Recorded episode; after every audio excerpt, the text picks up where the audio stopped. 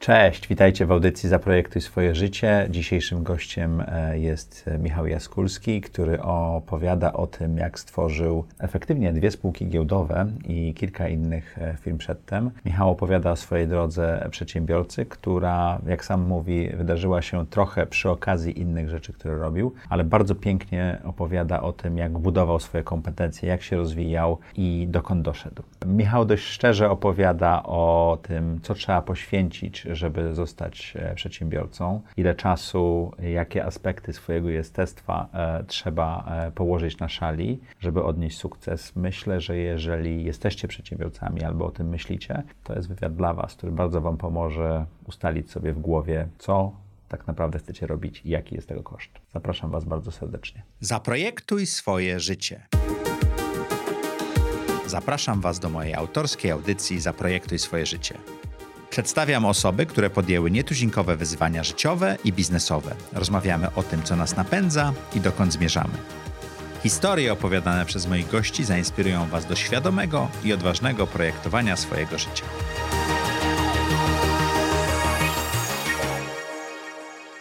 Cześć, witajcie w kolejnym odcinku audycji Zaprojektuj swoje życie. Jak co tydzień w czwartek o czwartej zapraszamy dla Was interesujących gości. Jeżeli jesteś tutaj pierwszy raz, tam na dole jest guzik subskrybuj. Jeżeli słuchacie nas, to obserwuj na Spotify, Apple Podcast, Google Podcast, gdziekolwiek jesteście.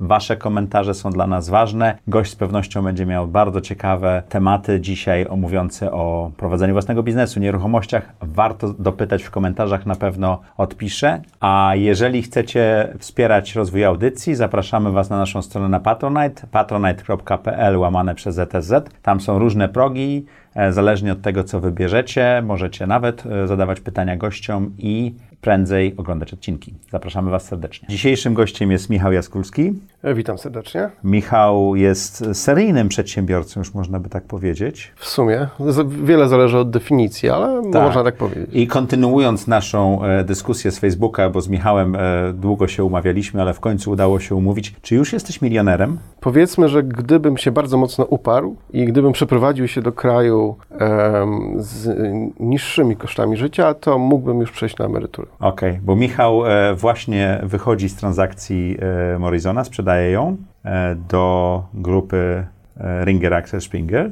Tak, właściwie transakcja już, Już już, do- do- jakby transakcję mamy już za, za nami, e, natomiast teraz rozpoczyna się e, okres, przez który wszystkie osoby, które zarządzają nie tylko Morizonem, ale i Gratką, bo właśnie Mhm. niedługo dojdzie do połączenia tych obu firm, przez, przez kolejne lata będą się skupiały na, to, na, na tym, żeby dostarczyć jak największą wartość naszym klientom i żeby oczywiście osiągnąć jak najwyższy udział w rynku. Czyli jesteś na tak zwanym earn-outie, Zgadza się, tak? zgadza Gdzie, się. gdzie budujesz wartość spółki i twój exit będzie na tym Na tym oparty. oparty, tak. E, To, to trochę tak jakby zjeść ciastko i mieć ciastko. Tak, tak to można określić. Okej.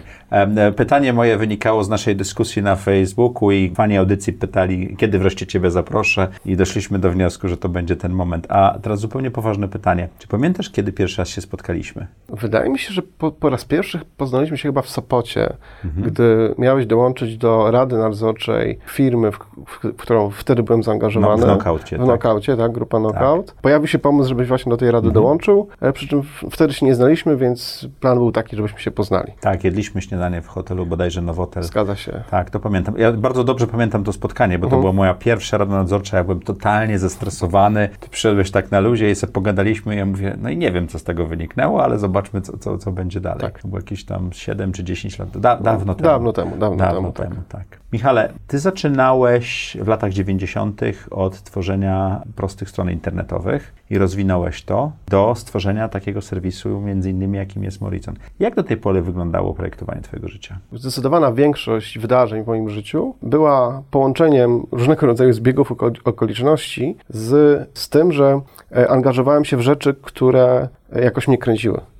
Czyli najpierw znajd znajdowałem jakąś nową, nie wiem, rzecz, e, nowy projekt na przykład, który mnie bardzo interesował i zajmował ca całą moją uwagę, a później w, w wyniku właśnie różnych zbiegów okoliczności dochodziło do sytuacji, w której, nie wiem, z jakichś niewielkich rzeczy powstawały po prostu, powstawało coś, coś, coś większego. Tak było e, z twoją pierwszą działalnością. Miałeś firmę, która nazywała się A1 Internet, prawda? E, No zgadza się. To był taki, powiedzmy, malutki software house. Wtedy jeszcze to, to pojęcie nie było znane. Z racji tego, że dosyć wcześnie zacząłem nie tylko aktywnie korzystać z internetu, bo właściwie korzystam z internetu codziennie. Ostatnio sobie sprawdzałem, że od chyba marca 97 roku. E, Ale wtedy to się dzwoniło na 02. Tak, tak. tak? E, wtedy, wtedy, wtedy jakby godzina internetu kosztowała bodajże 5 zł. Mhm. Dlatego jestem bardzo, bardzo wdzięczny moim rodzicom za to, że płacili za te płacili rachunki. Za te rachunki. Gdyby nie oni, to naprawdę moja, moja historia to też były zupełnie inaczej. prawda?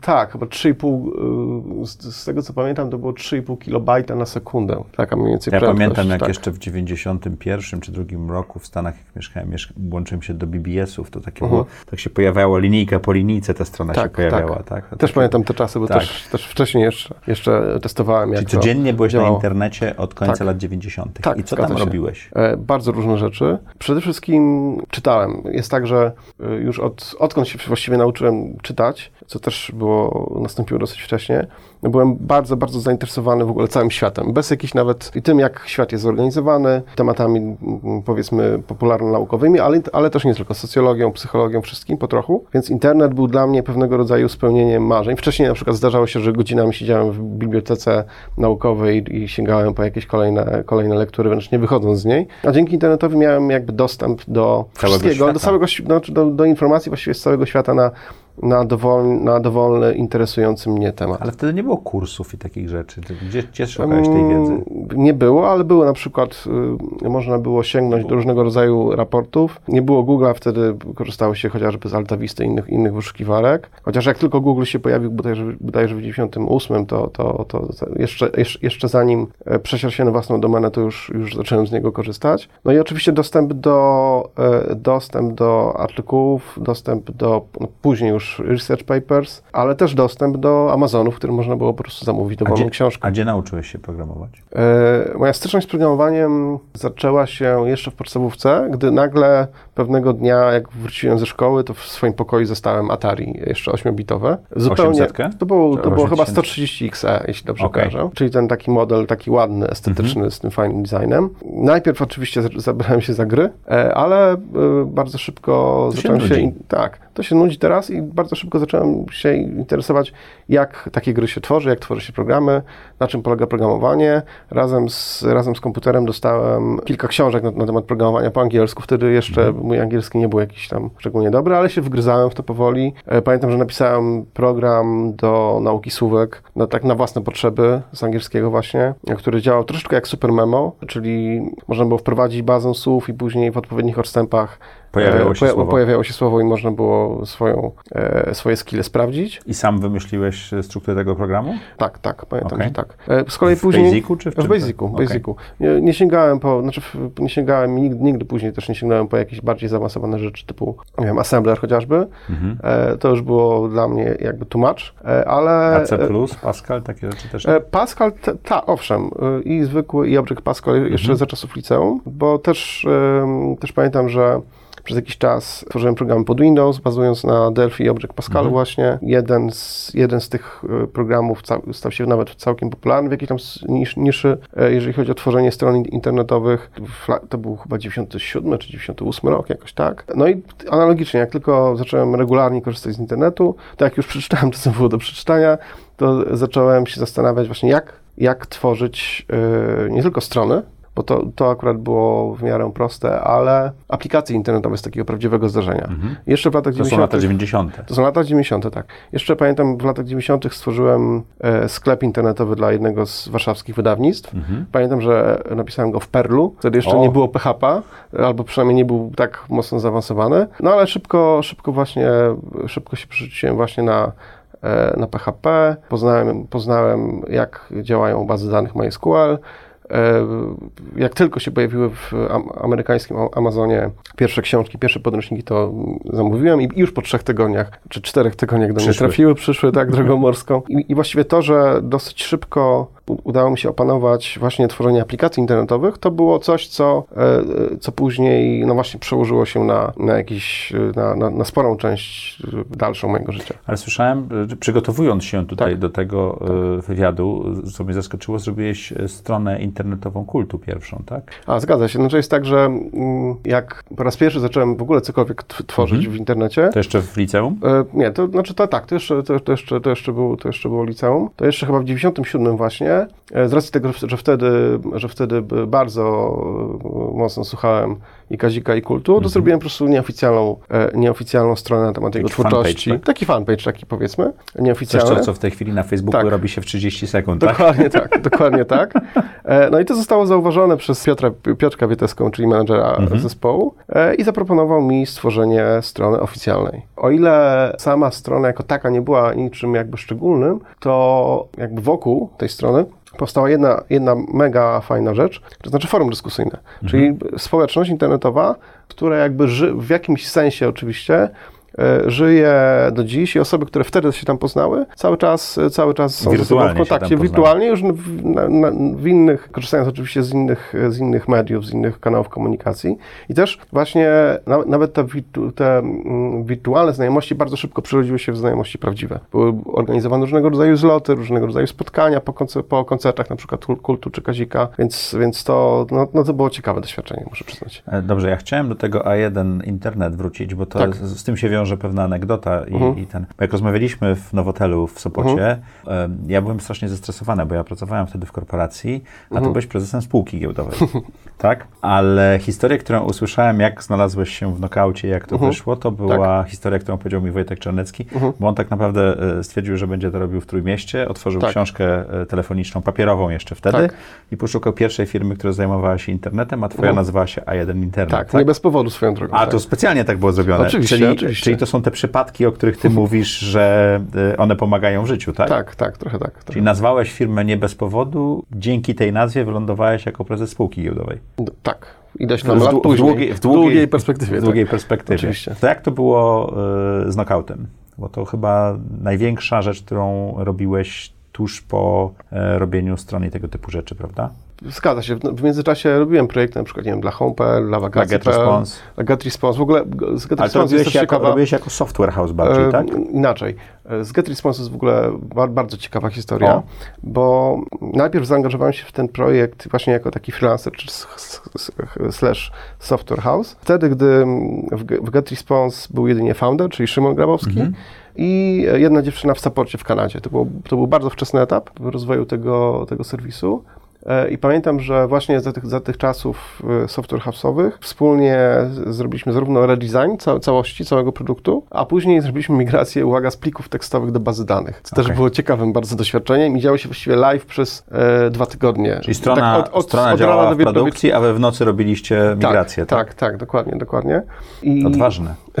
E, I ten, i później, no, znaczy, i później dzięki pracy i, i Szymona i zespołu, który oczywiście później się powiększał, E, no Gatrismosowi udało się zdobyć naprawdę sporą, sporą pozycję e, na rynku. Kilka lat później ja z kolei byłem w takiej sytuacji, że o ile robiłem mega ciekawe projekty w ramach właśnie A1 Internet, zarówno jakieś swoje, miałem na przykład, nie wiem, dropshippingowy sklep internetowy z mhm. oprogramowaniem, robiłem projekty właśnie dla chociażby Home.pl czy Wakacji.pl, pisząc im system CRM do obsługi klientów. E, współpracowałem też part-time z Wirtualną Polską, to też bardzo dużo mi dało. Pracowaliśmy... Czyli bycie w Trójmieście było dobrym miejscem, bo, tak, bo to było, było dużo miejsce. biznesów, które tam tak. powstawało wtedy, tak? Tak. E, szczególnie Wirtualna Polska była takim hubem właściwie. To jeszcze zanim powiedzieć. Orange przejął Wirtualną Tak, Polskę. to na długo, na długo, na, mhm. na długo przed tym. Sporo, sporo ludzi, którzy e, później coś w którym mieście robili w branży internetowej, miało albo styczność z Wirtualną Polską, albo też e, chociażby z Gratką, która wtedy była, e, która wtedy powstawała i, i przeżywała czas bardzo szybkiego wzrostu. Bardzo szybkiego wzrostu. Mhm. I ty poniekąd twoje palce przez klawiaturę maczały w tych wszystkich biznesach, budując jakieś mm. usługi dla nich, tak? Może nie, może, znaczy nie tyle wszystkie. Na przykład w Wirtualnej Polsce byłem liderem takiego zespołu, który pracował nad serwisami tak zwanymi rozrywkow rozrywkowymi, ale w praktyce ale rozrywkowo-kulturalnymi. Wirtualnej Polski, czy byłeś zewnętrznym dostawcą? Mm, byłem zewnętrznym dostawcą pracującym part-time, part-time wewnątrz firmy, ale zupełnie poza działem IT e, w ten sposób. Po prostu koordynatorowi, koordynatorowi e, serwisów rozrywkowych, czyli Tomkowi Woźniakowi, e, udało się wtedy uzyskać zgodę zarządu na to, żeby zbudować taki partyzancki team, który po prostu będzie gdzieś na boku pracował nad stworzeniem nowych wersji, nowych wersji serwisów Czyli rozrywkowych. Szyb, szybkie testowanie, tak? Tak, tak, tak. Taki szybki development, oczywiście z zachowaniem, e, zachowaniem zasad i reguł, które tam wtedy obowiązywały. Pamiętam, że mm, bardzo wiele się nauczyłem rozmawiając z osobami, które weryfikowały na przykład, nie wiem, kwestie performance'u, wydajności, właśnie baz danych i tak dalej. To była mega cenna lekcja. No ale właśnie wyszedłem z tego mając wiedzę, jak się buduje, nie tylko jak się buduje aplikacje internetowe, ale jak się buduje aplikacje internetowe, które, które są oglądane przez miliony użytkowników. To było coś na, wtedy unikalnego. To jest kwestia skali, prawda? Tak, kwestia skali. I, i tak. tego, żeby ta aplikacja i ten, ten kod wytrzymał to, tak? Tak, to, to, dokładnie. Kwestia wydajności tutaj była, była kluczowa i to wydajności przy względnie niewielkich zasobach, przy względnie niewielkim hardware'ze. I dużym obciążeniu. Wtedy to jeszcze trzeba było mieć swoje serwery, prawda? A dokładnie, to, to, to, to były te czasy. Nie można było sobie po prostu wyklikać serwera w 5 minut w chmurze. Trzeba było, trzeba było taki serwer kupić, trzeba było taki serwer podłączyć w serwerowni, trzeba było płacić za łącze i e, w momencie, gdy powstawał knockout, o tym zaraz do tego jeszcze wrócę, to na samym początku dysponowaliśmy tylko i wyłącznie dwoma maszynami, dwoma serwerami, które musiały obsłużyć cały ruch, a dzięki różnym mykom, których nauczyłem się wcześniej, e, udało się nam tak ten system stworzyć, takim kilkuosobowym, bardzo niewielkim zespołem, że był w stanie obsłużyć bodajże 2 miliony użytkowników miesięcznie, bo to, to mhm. był poziom, do którego dosyć szybko Na dwóch serwerach. Na dwóch serwerach, tak. A do tego jeszcze przetwarzać kilkanaście milionów ofert ze sklepów internetowych każdej nocy właściwie. Więc Czyli crawlery chodziły w nocy, tak?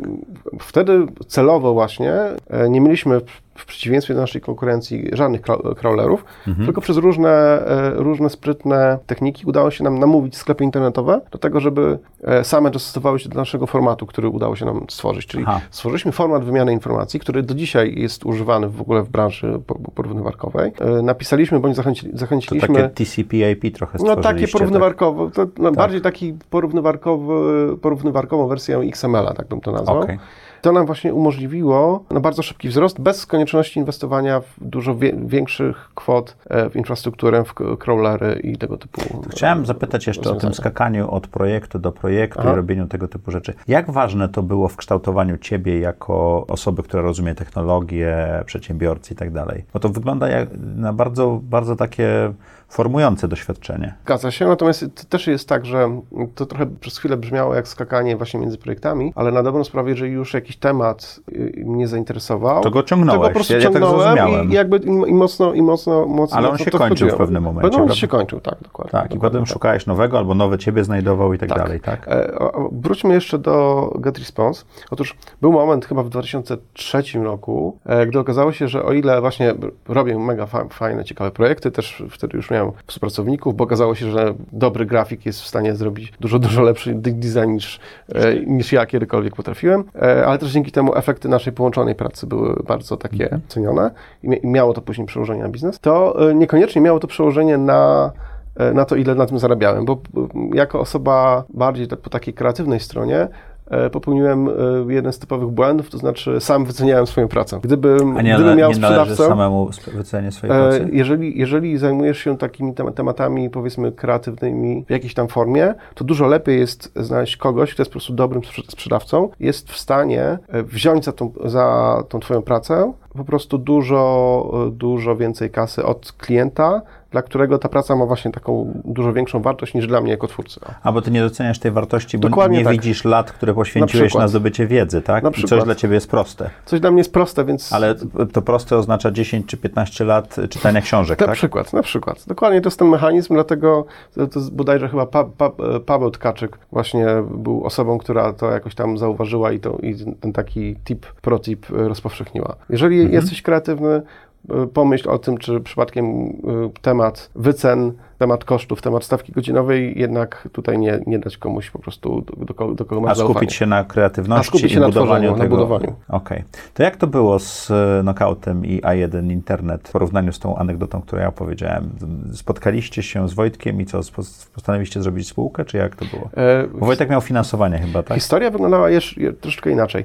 Po tym, jak właśnie stwierdziłem, że od strony finansowej prowadzenie własnego software house'u to nie jest do końca to, co chciałem robić, e, wróciłem do GetResponse, ale wróciłem już jako najpierw starszy analityk, a później lider jednego z dwóch zespołów programistycznych i byłem świadkiem wzrostu firmy od bodajże 10-11 osób, bo byłem właśnie chyba w, tej, w okolicy tej pierwszej dziesiątki, do osób 40 przez dwa lata. Tak, przez dwa lata z hakiem. I to mi z kolei dało bardzo dużo insightów, zarówno mówiących, jak to y, trzeba robić, jak i y, miałem też insighty, Jak tego nie jak robić. tego nie robić i co nie, do- nie do końca wyszło zgodnie z zamierzeniami. I to też było ultra cenne doświadczenie, bo gdyby nie to, to później budowanie, budowanie knockoutu e, byłoby pewnie dużo, dużo trudniejsze.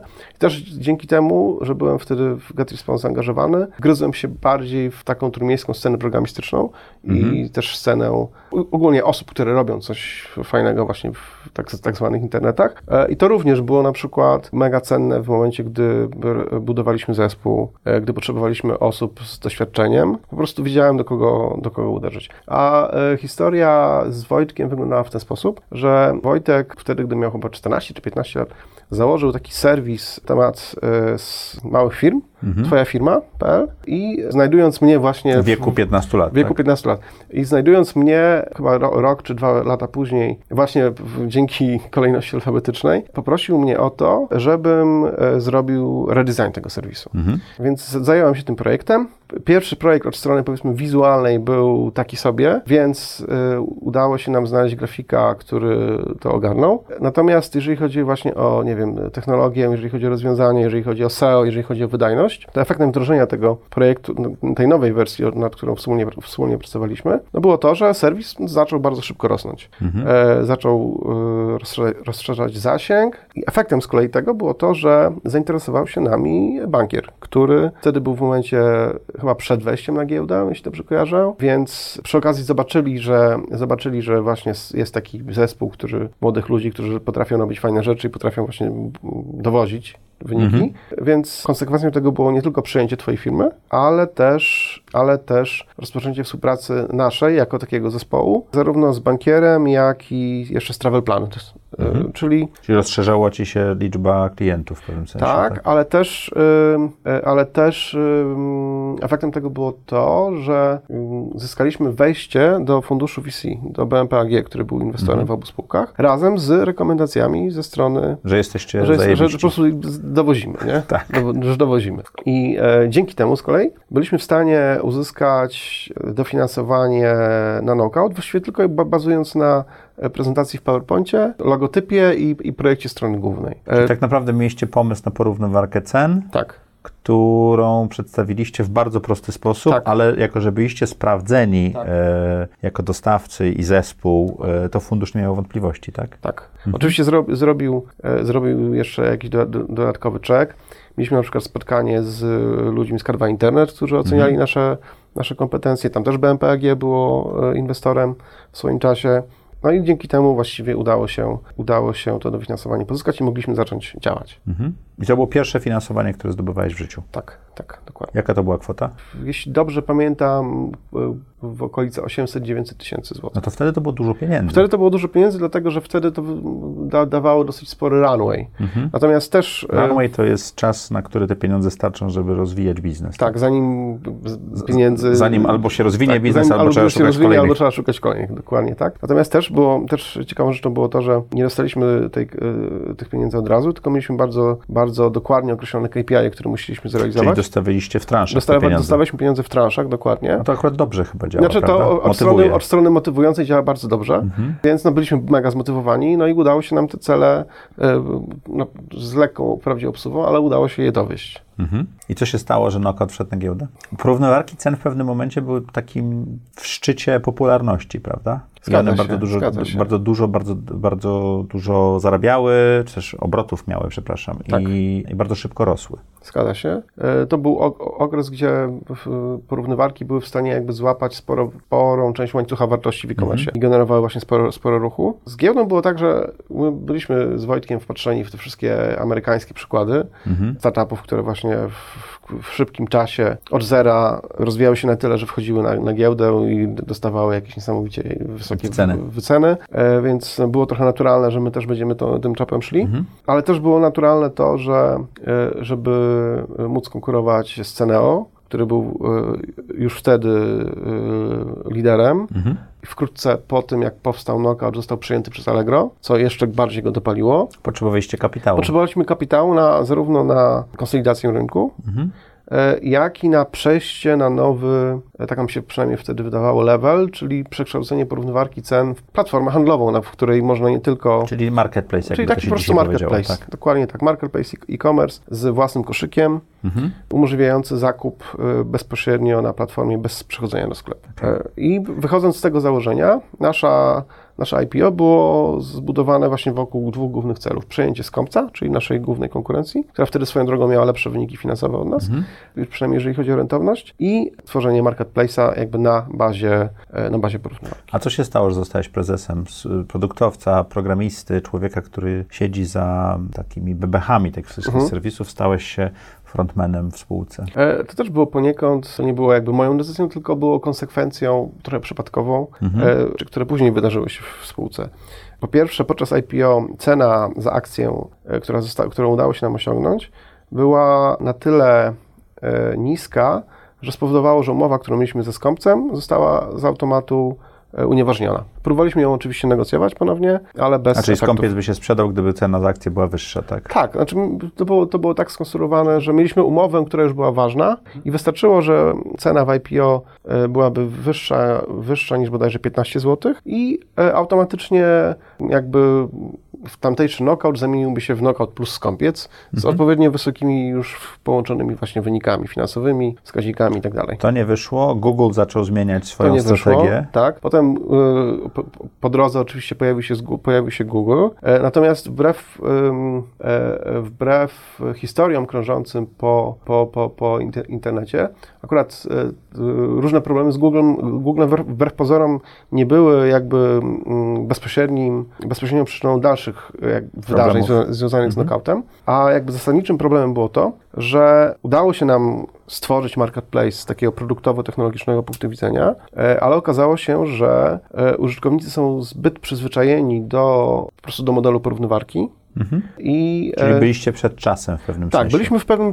Tutaj akurat nie, tra- timing po prostu był, e, e, był nie taki. To No, ale jedna- wskoczysz jedna- na jedna deskę, rzecz. zanim przyjdzie fala, nie, nie zaniesie cię daleko, prawda? No, to prawda, to prawda. E, I oczywiście próbowaliśmy się do tego dostosować. Pamiętam, że jako taki eksperyment udało się troszkę na boku stworzyć osobny serwis, który nazywał się Knockout Market, który z punktu widzenia użytkownika przypominał właśnie taki sklep wielobranżowy internetowy i który po prostu zaczęliśmy promować w Knockoutie jako jeden ze sklepów. I to już wtedy zaczęło działać trochę trochę Lepiej. lepiej ale e, no bardzo szybko po analizie tego okazało się, że skala działania, pieniądze potrzebne na marketing, na dalszy rozwój produktu oraz koszty w ogóle związane z utrzymaniem zespołu, który w międzyczasie wzrósł, e, który, który w międzyczasie wzrósł chyba z 70 do 130 paru osób, właśnie po to, żeby supportować ten marketplace. No, ja jestem inwestorem w kilkunastu marketplace'ach. To jest Tak. strasznie drogie przedsięwzięcie. Dokładnie tak. Napisanie software'u, pomysłu Tak. wydaje się oczywiste, Tak. ale zdobycie dwóch stron rynku, bo Mhm. musisz kupujących i sprzedających, tak. Tak. A czasami przychodzą do mnie ludzie z trójstronnym marketplace'em, Mhm. wtedy ja mówię już apages satanas, w ogóle nie chcę do tego podchodzić, bo to się robi jeszcze bardziej skomplikowane, tak? Tak, tak. I musisz wyważyć, tak? Stefan Batory zresztą w odcinku tu fajnie opowiadał, jak Mhm. musiał, y, taksu, jak robił iTaxi, taksówkarzy i e, jeżdżących musiał zawsze balansować, bo albo Mhm. było za mało y, pasażerów, albo było za Tak. mało taksówek, tak? Tak. I No, to jest to samo. Dokładnie i do tego wyszły oczywiście in, inne rzeczy jeszcze takie mniej istotne, ale też, też mające znaczenie. Na przykład to, że nie byliśmy w stanie dobrze kontrolować jakości dostaw przez sklepy. Od strony takiej czysto powiedzmy logistycznej, dostawcą dostaw. Nie tak mieliśmy, nie, nie mieliśmy dostaw, nie mieliśmy Jedynie kontroli nad opinia, logistyką. jedynie opinia na Jedynie to opinia wpływała. na to wpływała, ale to nie było wystarczające. Słuchaj, wracając do ciebie troszeczkę, jak ta, jak, jak, jak Michał dorastał w tym całym, e, w tej zmianie, tak? No bo zacząłeś od programisty, który robił strony, Mhm. E, zacząłeś pracować różny, pracowałeś z różnymi dużymi i mniejszymi firmami. Tak. Stworzyłeś jedną swoją firmę, stworzyłeś drugą swoją firmę, wszedłeś na giełdę, ta firma się najpierw rozwijała, później miała kłopoty. Ty z osoby, która była produktowa mhm. i technologiczna, stałaś, tak. się, stałeś się osobą biznesową mhm. również. Jak ta przemiana e, następowała? Na pewno to był jakby efekt, znaczy było coś, co się, co się działo stopniowo, ale też jakby, też konsekwencją tego... Stopniowo, ale szybko. Stopniowo, znaczy tak patrząc z perspektywy czasu, to, no to jednak z knockoutu, w momencie, gdy byłem formalnie prezesem, e, no w praktyce też, zaraz o tym opowiem, to odchodziłem w 2015 roku, tak? Mhm. Czyli historia knockoutu, samego knockoutu to było 9 lat. To jest naprawdę bardzo, bardzo długi okres czasu. To jest w ogóle Od też... tego pomysłu i tej pierwszej tak. prezentacji tak. do tak. opuszczenia zarządu spółki. Tak, nawet chyba 10, jak, jeśli właśnie się mhm. doliczy ten moment, gdy pracowaliśmy nad samym konceptem. Mhm. Jest to naprawdę kupa czasu. Swoją drogą to jest taka ważna informacja dla potencjalnych founderów. Jeżeli e, myślicie o tym, żeby uruchomić własny biznes, własny startup, własną firmę, to musicie e, na to patrzeć jako taka deklaracja, poświęcenie w jakimś stopniu sporej części swojego życia na co najmniej 10-12 lat, bo tak poza jakimiś... Po, to jest w pozytywnym, e, pozytywnym timingu, bo bywa timingu, też dłużej. Tak, tak, bywa też dłużej. E, historia, że ktoś w 2-3 lata jest w stanie rozwinąć biznes do jakiegoś szybkiego, e, do, do, do, jakiegoś bardzo wysokiego poziomu i później, później zrobić exit i zacząć coś nowego, zdarzają się ekstremalnie rzadko. Tak. Oczywiście na pierwszych stronach gazet o tym czytamy tak. i, to motywuje i to się tak. chce, to tak jak tak. opowiadałeś o giełdzie. Tak, i też, i też jeżeli, jeżeli, już o tym mówię, to spotkałem się gdzieś z takim powiedzeniem, że w momencie, gdy uruchamiasz własną firmę, to musisz z pięciu rzeczy w postaci, no właśnie to własna firma, czyli biznes, rodzina, przyjaciele, e, hobby oraz E, sport, tudzież forma, wybrać, wybrać trzy rzeczy. Maksymalnie na, trzy. Maksymalnie trzy, bo na inne po prostu nie starczy czasu i to są trudne wybory. Mhm. To są trudne wybory. wiem, jak to jest, bo pomagam przedsiębiorcom. Sam poniekąd prowadząc audycję prowadzę w tej chwili przedsiębiorstwo, tak. a udało mi się parę startupów założyć i, i parę położyć, więc tak. też wiem, jak to jest. W pewnym momencie miałeś pomysł na Morizon, czy Morizon? Morizon? E, do dziś są różne, różne, znaczy do dziś różne warianty wymowy to trzymajmy się polskiej tak. wersji, tak? Miałeś pomysł na Morizon. To było jeszcze, w trakcie knockoutu to się urodziło w pewnym sensie, tak? Nasz, bo to nie był mój, to nasz pomysł na Morizon. Ogólnie był oparty na E, na takiej refleksji, że tak, że skoro z knockoutem nam wyszło jak wyszło, w sensie wtedy to jeszcze był moment, gdy... To był 2008 To był 2008 rok, rok tak, więc mhm. to był jeszcze moment właśnie euforii wywołanej sukcesem, wzrostem i tak dalej. Mhm. Skoro jakby tutaj nam Czyli wyszło... skoro, skoro potrafimy chodzić po wodzie, tak. wodzie, to spróbujmy chodzić po wodzie, nie pozostawiając kółek, tak? O, dokładnie tak. To jest jedna rzecz. A, a, I też skoro, znaczy przez to, że widzieliśmy, że obszar właśnie real estate, y, obszar nieruchomości jest jednym z tych obszarów, który perspektywicznie będzie prostu przenosił się do internetu, a do tego jeszcze serwisy ogłoszeniowe, które wtedy funkcjonowały, jednak odbiegały od, e, od tego, co można było zobaczyć w Stanach czy w Wielkiej mhm. Brytanii, już wtedy funkcjonowały serwisy typu Zillow albo Trulia, które były dla nas jakąś tam inspiracją. No, no to stwierdziliśmy, że okej, okay, fajnie, skoro tutaj nam się udało, no to zróbmy, tutaj załóżmy nowy startup i zajmijmy zupełnie się nieruchomościami. Obok. Zupełnie obok, tak. Udało się nam pozyskać też do, do niego mega fajnych inwestorów. Z Czyli nie robiliście nich... tego sami? To nie, nie robiliśmy tego sami. Było finansowane przez angel inwestorów. Mhm. Z jednym z nich, czyli da, Dariusz Biszczadowski, to jest osoba, która, z którą jakby cały czas, e, cały czas jestem e, w jakiś sposób e, zaangażowany, chociażby właśnie w Morizon i który, i który jest osobą, która, jeżeli chodzi o właśnie rynki finansowe, kapitałowe, po prostu bardzo, bardzo, bardzo wiele rzeczy mnie nauczyła. Natomiast no wtedy, z racji tego, żeby, żebyśmy zaangażowani w knockout, no to do Morizona musieliśmy jakby znaleźć ekipę, tak? Mhm. Czyli zrobiliśmy rekrutację na na team taki menedżerski. Zrobiliśmy rekrutację, e, jeżeli chodzi o zespół IT produktowy i już nie pamiętam, po niecałym roku prac serwis ujrzał światło dzienne. I chwilę później zaczął, zaczął się kryzys. Zaczął się kryzys. Horizon to jest taka historia od kryzysu do kryzysu, tak? No bo zaczęliście w kryzysie tak. Lehman Brothers i, i tym finansowym, tak. zresztą związanym z nieruchomości, tak. a teraz następuje poważna zmiana właścicielska w kolejnym tak. kryzysie, tak? Troszeczkę niezależnie, bo to się jedno tak. i drugie zaczynało przed kryzysem, prawda? Zgadza się, zgadza się. Mhm. I ta, tam z kolei właśnie historia była też długa i kręta. Był moment, gdy rozważy, właśnie po po tym jak się zaczął kryzys finansowy, nie było właściwie możliwości, żeby, nie wiem, pozyskiwać klientów, zarabiać w jakiejś tam dużej, dużej skali, no bo byliśmy bardzo blisko decyzji, żeby po prostu firmę zamknąć, mhm. ale ostatecznie postawiliśmy taki wariant przetrwalnikowy, e, czyli w firmie została właściwie, zostały właściwie trzy albo cztery osoby. Prezes, osoba zajmująca się administra tematami administracyjnymi, dziewczy dziewczyna, która zajmowała się pozyskiwaniem agencji nieruchomości. A serwis był już postawiony, tak? Serwis był postawiony i jeden programista, który go utrzymywał. Okay. Więc po prostu kilka osób przez ileś, naście miesięcy, jeśli nie dłużej, e, w tym modelu pracowało. I dopiero jak Ale w ten sposób mogliście oszczędzać pieniądze, tak? To raz, w sensie runway się znacząco przedłużył i też stopniowo, powoli pozyskiwaliśmy i klientów, i ogłoszenia. Mhm. To było mega, mega istotne. I jak, jak tylko sytuacja, sytuacja rynkowa e, się poprawiła, to udało się nam pozyskać kolejnego inwestora i od razu wtedy bardzo wcześnie, to był 2011, wejść na New Connect. Mhm. Czyli ta, ta metoda giełdowa była ciągle ważna dla Ciebie. Tak, tak, jak mhm. najbardziej. Ale w, w drugim e, e, startupie, który robiłeś, to nie szukałeś funduszy, tylko to byli aniołowie biznesu, Tak, prawda? to byli aniołowie biznesu, mhm. wtedy nie poszliśmy do, do, żadnego, żadnego funduszu. E, w pewnym momencie zaczęliśmy poszukiwać serwisów, które moglibyśmy przejąć, albo się, z, którymi, z którymi moglibyśmy się połączyć. I inspiracją z kolei tym razem była dla nas brytyjska Zupla, mhm. czyli serwis ogłoszeniowy, teraz też finansowy, Zupla skonsolidowała rynek. W która, sensie. tak, która skonsolidowała rynek w momencie, gdy na rynku był już jeden silny gra, gracz, czyli Rightmove. Bardzo wielu nie wierzyło, że Zupli w ogóle uda się dojść do poziomu, do którego doszli, bo wydawało się, że rynek jest podzielony, a jednak udało, a, jednak Zupla e, swój cel osiągnęła, stała się silnym numerem dwa. Mhm. No i taki, taki, był, taki był też nasz cel. W pewnym momencie musiałeś wybrać drogę między Knockoutem a Morizonem, tak? To była trudna decyzja? Decyzja była właściwie prosta. W pewnym momencie okazało się, że wizja, wizja dotycząca dalszego rozwoju knockoutu, po tym jak się wydarzyło to, o czym opowiadałem, mhm. moja i Wojtka Czerneckiego jest jednak zdecydowanie odmienna, a jednocześnie e, miałem wiarę w to, że, że Morizon ma po prostu duże perspektywy e, rozwoju. Mhm. A z kolei Wojtek wie, wierzył, że w momencie, gdy będzie decydentem w nokaucie, e, to też uda mu się tą firmę rozwinąć tak zgodnie, tak jak mhm. chciał ją rozwinąć.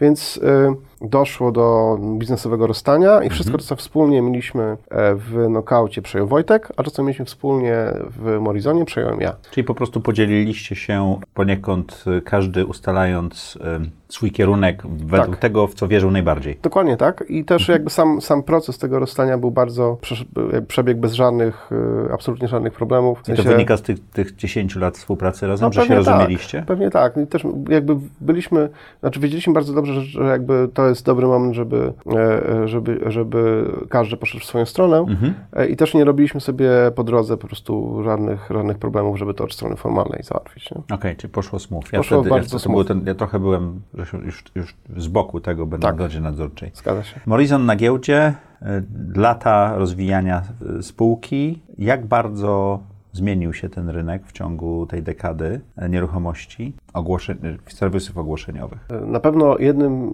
jedną z rzeczy, która się zmieniła jest to, że spora, że coraz większa część procesu związanego z szukaniem nieruchomości i też powoli też samą transakcją przechodzi do internetu. A tego nie rzecz. było 10 lat temu? E, to 10 lat temu było jeszcze, powiedzmy, że w powijakach, taki mhm. analogowy sposób e, szukania cały czas, cały czas jakoś tam miał rację bytu. I też jest tak, że jeżeli chodzi w ogóle o skalę działania, mhm. E, patrząc nie wiem, na przychody, stawki abonamentowe i tak dalej, no to 10 lat temu te stawki były minimalne, w sensie e, publikowanie ofert w internecie kosztowało tyle, co nie wiem, e, mniej niż, nawet mniej niż dobry obiad w restauracji. Mhm. I dopiero... Przy, przy olbrzymich transakcjach, Przy olbrzymich tak? transakcjach nawet, tak, dokładnie. Dopiero w ostatnich latach, tak na dobrą sprawę, ceny związane z promocją online w internecie dla klientów biznesowych zaczęły zbliżać się do tej wartości, którą e, ta obecność i dostęp do zasięgu, do milionów użytkowników po prostu generuje. Tak. Ale to też wynikało z przerzucenia się klientów, którzy tak. wolą to robić. To było jakby podsumowanie różnych, e, wielu różnych, e, wielu różnych trendów i efekt właśnie, efekt tego był, był taki, jaki obserwujemy teraz, czyli serwisy, które wcześniej miały zasięg liczony w setkach tysięcy użytkowników, mhm. teraz mają zasięg liczony w milionach i wraz z tym wzrostem zasięgów, wraz, wraz też ze zmianą, zmianą e, modeli cenowych, zaczynają po prostu generować dużo więcej przychodów. Zintegrowaliście się z Finpackiem, z N-Portalem, z Melogiem, potem poznałeś Jacka Święcickiego i zaczęliście robić to, co mówiłeś, tą konsolidację rynku, tak? E, wyglądało to w ten sposób. Najpierw przejęliśmy jeszcze za tych wczesnych czasów e, N-Portal, mhm. E, czyli taki krakowski serwis nieruchomościowy. Później... Żeby dostać więcej użytkowników. Żeby dostać więcej użytkowników, generować więcej leadów, mhm. zdobyć silniejszą pozycję właśnie na, na mhm. tym na małopolskim rynku. A później wyszło na to, że najlepsze, najlepsze efekty dałoby nam połączenie się z Melogiem, czyli firmą, którą od końca lat 90. też e, rozwijał Jarek Święcicki i firmą, która miała szczególnie mocną pozycję w Warszawie i okolicach. Siłą rzeczy też, bo to, to często wynikało po prostu z położenia, położenia geograficznego. E, Melok akurat był w takiej sytuacji, że e, inwestorzy z Włoch, którzy byli zaangażowani kapitałowo w ten serwis, osiągnęli, osiągnęli na tyle duży sukces na ich rodzimym rynku, że inne rynki przestały ich trochę interesować. interesować więc okazało się, że jest możliwość, żeby ich po prostu wykupić i się połączyć. I mm, efektem tego y, było powstanie tak zwanej grupy Morrison Mellog, praktyce to połączenie wyglądało tak, że firma z Trójmiasta w praktyce przeniosła się do Warszawy. I ty musiałeś się przeprowadzić, tak? E, ja wtedy jeszcze nie byłem zaangażowany operacyjnie okay. w Horizon, ale w momencie, gdy się, gdy nasze drogi biznesowe, e, nasze drogi biznesowe się rozeszły, przez chwilę jeszcze byłem w, zarządzającym w nokaucie, ale mhm. bardzo szybko dostałem propozycję od Morizona, że potrzebuję po prostu kogoś e, takiego jak ja do tego, żeby e, ogarniać produkt, tak, tak, ogarniać produkt, skupić się na jego, na jego jakości. E, więc no, siłą rzeczy siłą rzeczy propozycję przy, przyjąłem i oznaczało to też niestety e, przeprowadzkę z Gdyni, którą uwielbiam i kocham, do Warszawy. I to mhm. był 2015 mhm. w ten sposób. Jak się sprzedaje firmę do Ringer Access Springer? To się podnosi telefon, mówi dzień dobry, mam firmę do sprzedania, ile dacie? Upraszczam oczywiście. Jest tak, że od, od, od pewnego jakby poziomu wielkości firmy mm, standardem jest to, że bierze się do tego wsparcie. Mhm. Wsparcie e, najczęściej z jednej z dużych firm konsultingowych. Albo bank inwestycyjny, albo, bank albo inwestycyjny, właśnie, albo tak. firmę konsultingową, która tą ofertę rozprowadza, tak? Tak, zgadza się. I w naszym przypadku tym partnerem y, był EY i ich dział prze, przejęcia akwizycji. Takich, jeden z bardziej rzutkich zespołów. Tak, tak. Bardzo, bardzo sprawny zespół. Mhm. Mieliśmy zresztą z nim do czynienia wcześniej, w momencie, gdy, w momencie, gdy Knockout szukał e, inwestora e, strategicznego, już w momencie, gdy szukaliśmy po prostu alternatyw. Mhm. Też powiem, że bardzo mało brakowało, myślę, że teraz to mogę już powiedzieć, żeby Knockout został przejęty przez Pocztę Polską. Mhm. Po to, żeby wsparł ich ówczesną strategię e, e, inwestowania w e-commerce i wspierania e, małych sprzedawców. No niestety do transakcji nie doszło.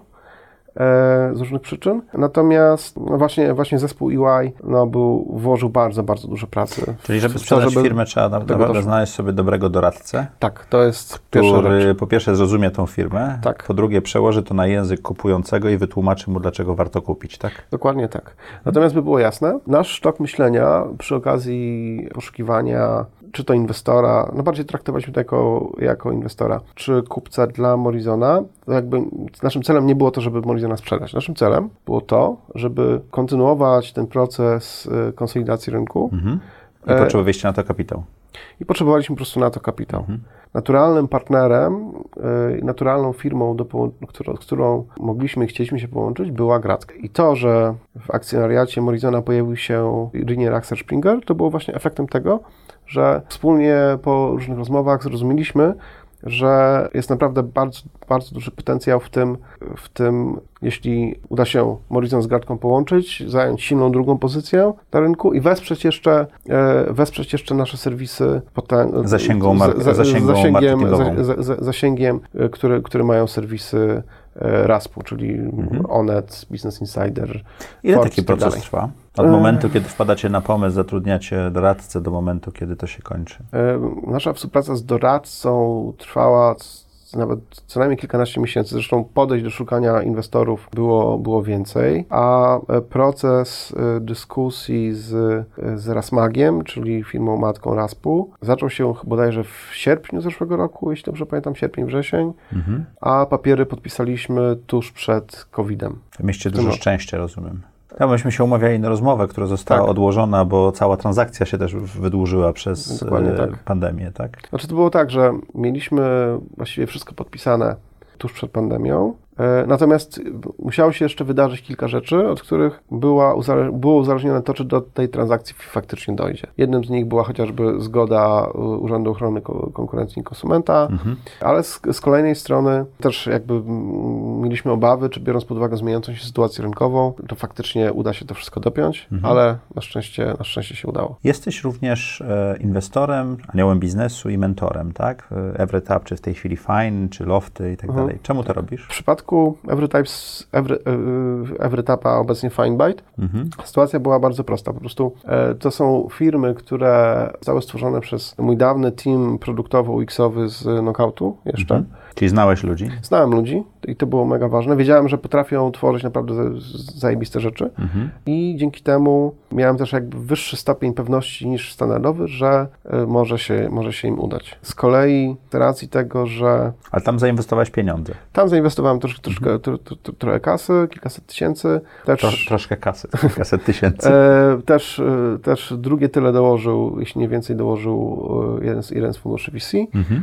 No i firma też zaczęła się rozwijać i też mhm. miała swoje przygody, też... Jak wszystkie, jak, jak wszystkie, wszystkie, jak wszystkie. I wydaje mi się, że dopiero chyba czwarty pivot, może piąty, e, doprowadził do tego, że firma odnalazła jakiś taki swój pivot model. to zmiana modelu biznesowego. Tak, tak. swój model biznesowy, który działa, jest, jest skalowalny w jakimś, w jakimś tam mhm. stopniu. A czemu jesteś mentorem?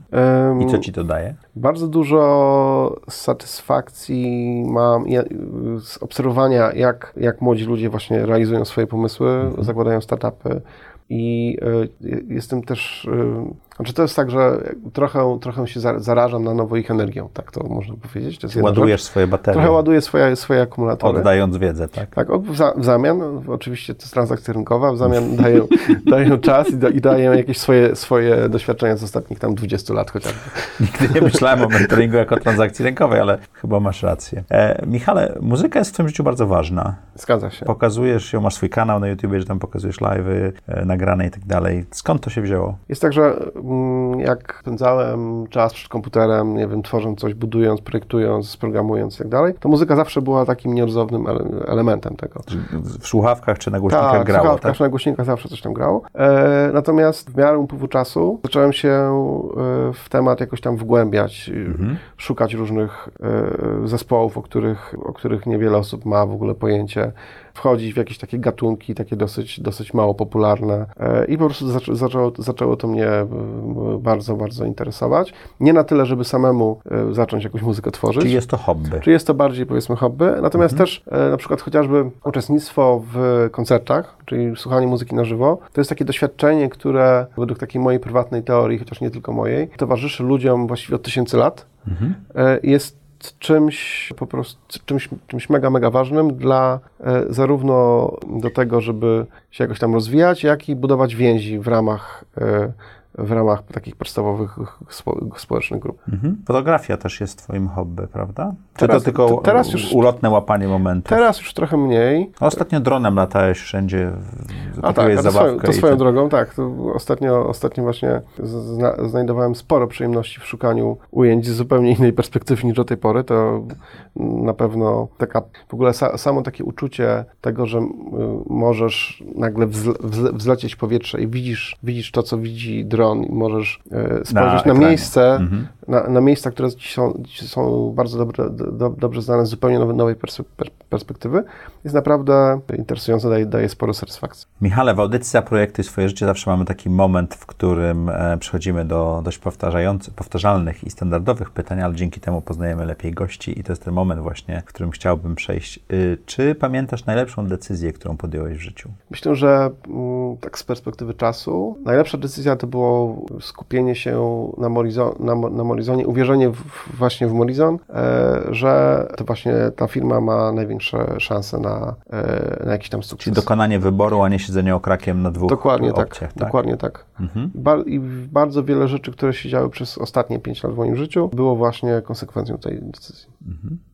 A co daje Ci najwięcej energii czy satysfakcji w życiu? Tworzenie, tworzenie produktów, które e, ułatwiają ludziom życie w takich bardzo ważnych dla, i stresujących dla nich momentach. E, mhm. Wcześniej były to decyzje, decyzje zakupowe, ok, istotny temat, ale nie aż tak bardzo, ale w momencie, w momencie, gdy ktoś decyduje się zainwestować oszczędności swojego życia albo wziąć kredyt na 30 lat i kupić, e, kup, kupić swoje M, w którym będzie przez prawdopodobnie wiele, wiele lat e, po prostu funkcjonował.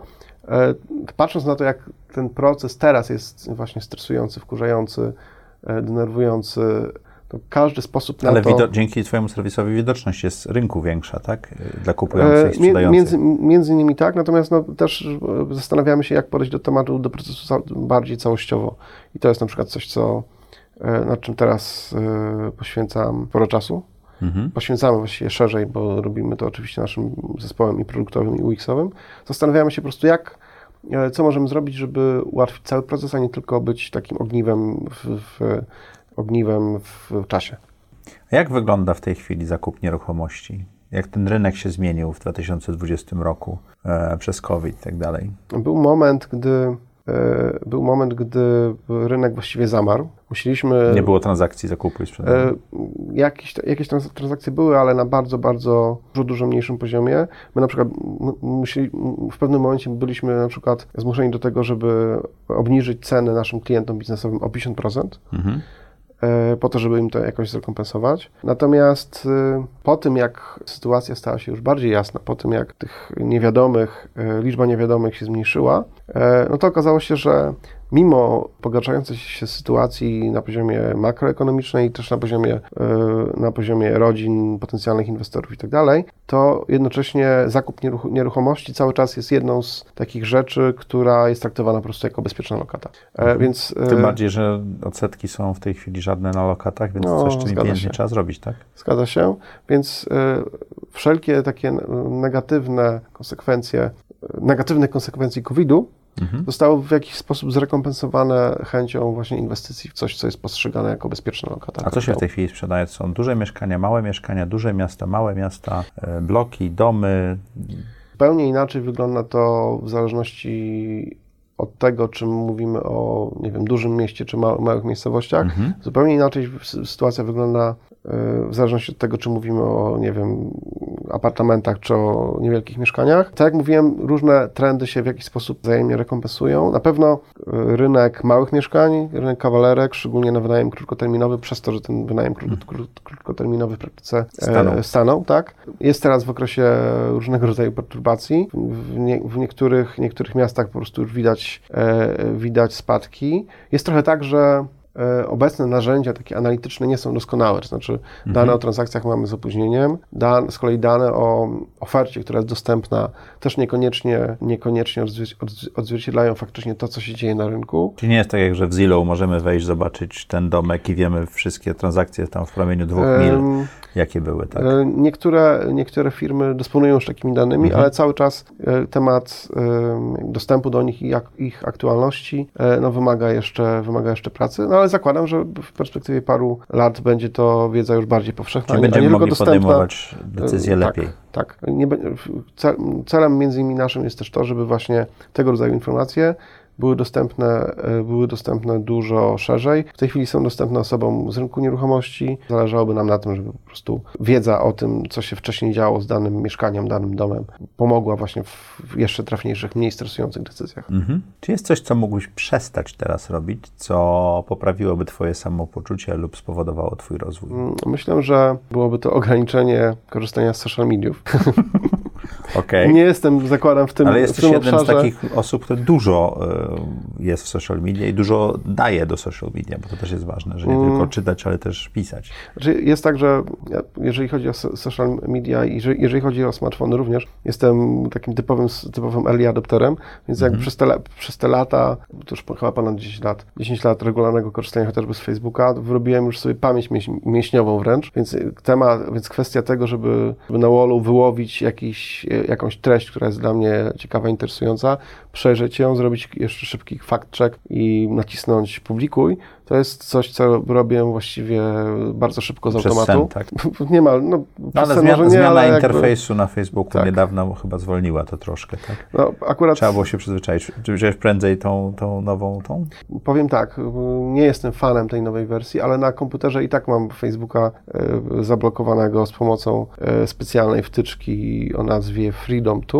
Polecam Mhm. zresztą, swoją drogą, bardzo fajne narzędzie, E, więc y, Czy nie jeżeli możesz go uruchomić, czy tylko nie widzisz? nie mogę go uruchomić w określonych godzinach, które sam sobie, sam sobie ustawię i nie mogę tych godzin zmienić, co też jest mega istotne. E, W sensie nie mogę ich zmienić w, ich, w, trak- w trakcie ich trwania. O. I to, to jest w ogóle ciekawe, że... Czyli taki em, świadomy ja dyktuje e, temu rozproszonemu ja troszeczkę Tak, sytuację. troszeczkę tak. I też y, dosyć, y, dosyć ubawiła mnie ostatnia książka y, niejakiego Nira, e, e, Nira Ewala, jeśli dobrze wymawiam jego nazwisko, który wcześniej był Wcześniej był takim e, ekspertem od tego, jak budować aplikacje, które przyciągają użytkowników, przyciągają uwagę użytkowników i ich od siebie jakoś tam uzależniają, a teraz nagle stał się ekspertem e, e, uczącym sposobów, jak, jak właśnie sobie radzić z, z tym uzależnieniem, dokładnie tak. Jaką masz supermoc? umiarkowanie dużo, w sensie nie aż tak wiele, ale, ale wystarczająco dużo, żeby prowadzić dyskusję z ekspertem w danym temacie, właśnie w bardzo, bardzo wielu obszarach. I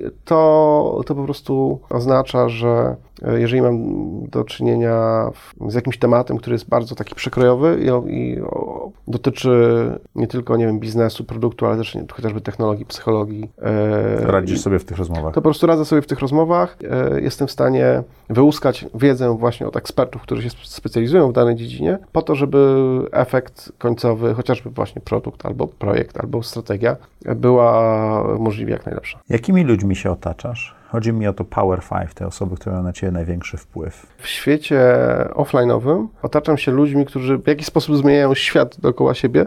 I nie chodzi tutaj, nie chodzi tutaj o, nie wiem, przedsiębiorców rozwijających jakieś spółki technologiczne, ale też, ale też o ludzi, którzy e, są na przykład aktywistami, którzy na przykład organizują eventy, organizują wystawy.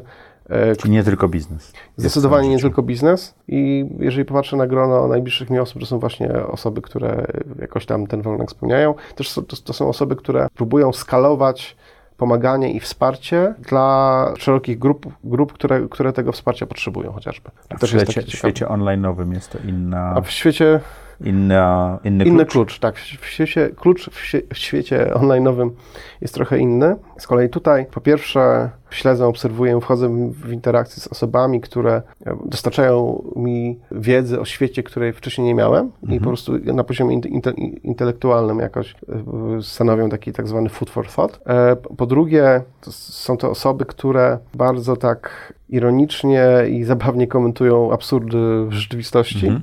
A z kolei trzecia grupa to są ludzie, dzięki, które, dzięki którym odkrywam muzykę, której bym w- inny sposób nie odkrył. Jest trochę tak, że Czyli wiedza, roz, humor i absurd rozrywka. I, rozry- i, i, i muzyka. Absurdalny humor nawet. Absurdalny powiedziałbym, humor, tak, i, i, i muzyka, i muzyka przede wszystkim. I też trochę jest tak, że jeżeli się spojrzy na moje posty na chociażby Facebooku, no to one też oscylują zwykle w tych rejonach. Czego się teraz uczysz? W tej chwili e, uczę się, jak z jednej strony zmieniać organizację, szczególnie, że teraz e, firma, którą, w której pracuję, którą rozwijam, to jest już połączony Morizon i Gratka w jakimś tam stopniu organizacyjnym na razie, a niedługo też formalnym. A Gratka jest firmą, która ma 20-letnią historię, więc ma swoje nawyki, ma swoje Swoją kulturę? swoją kulturę organizacyjną i zależy mi na tym, żeby to pogodzić, żeby tutaj jakby nie wchodzić i y, z zewnątrz i nie mówić, że okej, było tak, ale teraz ma być zupełnie inaczej, bo to kompletnie jest y, źle odebrane i też demotywuje w ogóle zespół. I też zależy mi w ogóle na tym, żeby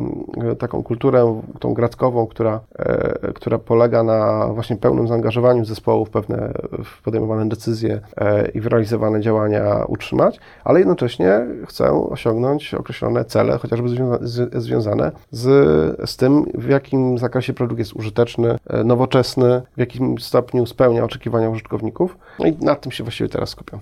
Okej. Trzy rzeczy, które chciałbyś robić za trzy lata to? Poza robieniem tego, co robię teraz, tylko jeszcze trochę lepiej, je- jest trochę tak, że wierzę w taki etos, powiedzmy, rzemieślniczy, czyli wytłumaczyłbym to tak, jako robienie właśnie e, rzeczy, które robisz o 1-2% lepiej w miesiąc do miesiąca i później dzięki temu po dwóch, trzech latach to, co tworzysz. Nazywasz po prostu- etosem rzemieślniczym? Trochę tak, trochę Mhm. tak. I to też jest czasami dla wielu osób rozwiąza- znaczy odpowiedź na pytanie dotyczące sens, sens, sensu tego, co robią. Bo, I być lepszym od siebie czyli wczoraj. być tak? lepszym od siebie wczoraj, być lepszym od siebie w- rok temu, dwa lata temu, e, to jest, je- to jest jedna rzecz. Natomiast e, na pewno jedną z takich rzeczy jest też powrót do czegoś, czego mi trochę brakuje, czyli do programowania. E, Ale ty jesteś grubą szychą wielkiej korporacji. Kiedy znajdziesz na to czas? No cóż, zobaczymy, jak to za trzy lata będzie wyglądało. Natomiast nawet, nawet gdyby to miało być takie dłubanie hobby, hobbystyczne, to jednak zarówno technologia jako taka, jak i platformy rozwijają się na tyle szybko, że no, chciałbym właśnie kiedyś do tego wrócić. Wiele się będzie działo w, w przeciągu najbliższych trzech lat, chociażby jeżeli chodzi o AR i chciałbym, chciałbym jakby być tego y, częścią w jakimś tam stopniu. Ale zarówno virtual reality, jak i augmented reality są jeszcze na bardzo początkowej fazie. Brakuje tego iPhone'a ciągle, cały który, czas, cały który czas zmieni. brakuje. Tak? Cały czas brakuje, natomiast y, mam wrażenie, że patrząc na, na, to, na, na to, co już wiadomo na temat tego, nad czym, nad czym pracują firmy takie jak Apple czy Facebook, to zakładam, że za trzy lata sytuacja będzie wyglądała, wyglądała już troszeczkę inaczej. Książka która? W tej chwili czytam wspomnienia Sida Meyera, czyli twórcy Mhm. cywilizacji, między innymi. Człowiek, który zabrał mi lata życia. Dokładnie tak. Zresztą e, na samym początku książki e, liczy te miliardy godzin, które, które spędzili gracze. Gracze Wyssał z cywilizacji, twórczości wyssał- ludzkości. Tak? Wyssał z całej ludzkości i jakby zastanawia się, co z tym zrobić trochę. A ja czytałem, to widzisz, dałeś mi dobrą książkę do przeczytania. To jest, to jest książka, która właśnie pomo- pomogła mi wrócić do myślenia o skupieniu właśnie na byciu tym makerem, czyli Okej. tworzeniu i czerpaniu z, te, z, tego, z tego też e, satysfakcji. Dziękuję, to będę miał książkę do przeczytania. Michale, co chciałbyś, żeby słuchacze i widzowie audycji Zaprojektuj swoje życie zapamiętali z tej rozmowy? Na pewno chciałbym, żeby zapamiętali to poświęcenie wymagane do tego, żeby stworzyć własny biznes, tak? To, o czym wspominałem wcześniej. Czasu i, Czasu i, i tych pięciu, tych wszystkich- wybraniu trzech z pięciu. trzech z pięciu elementów, tak? Ale też na pewno, też jakby przy okazji, idąc dalej, na pewno każdy powinien mieć świadomość, że żeby, żeby swoje życie jakoś projektować, tworzyć i e, realizować swoje marzenia i żyć w jakiś tam komfortowy sposób, wcale, wcale nie trzeba tego biznesu zakładać. W sensie, jeżeli ktoś jest dobrym, dobrym specjalistą, jeżeli ktoś jest, nie wiem, starszym programistą, dobrym pro- projektantem, y, szefem zespołu i tak dalej, to może sobie tak ułożyć życie, żeby właśnie nie ponosić tych y, konsekwencji Tych i- kosztów. I, tych kosztów, tych trudnych wyborów, o których, o których wspominałem, a jednocześnie, żeby y, żyć tak, jak chcę żyć i układać sobie życie tak, jak chcę je układać. Dziękuję Ci ślicznie. Dziękuję również. Dziękuję Wam i jak co czwartek o czwartej zapraszamy Was do audycji Zaprojektuj swoje życie.